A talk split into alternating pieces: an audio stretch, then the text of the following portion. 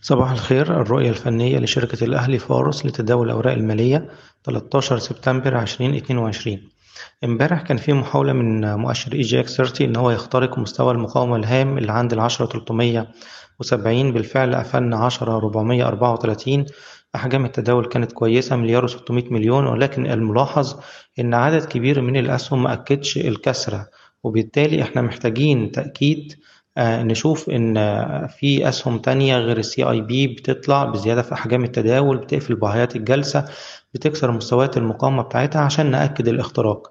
وفي حاله تاكيده هيكون عندنا مستهدف عند العشرة سبعمية وتمانين. دلوقتي بقى عندنا أقرب مستوى دعم عند العشرة ميتين وتلاتين وبعد كده عندنا مستوى الدعم الأهم اللي عند التسعة تسعمية. فإحنا في انتظار تأكيد الاختراق عشان نبدأ إن إحنا نفتح مراكز شرائية جديدة. شكرا. إيضاح الشركة غير مسؤولة عن أي قرارات استثمارية يتم اتخاذها بناء عن هذا التسجيل.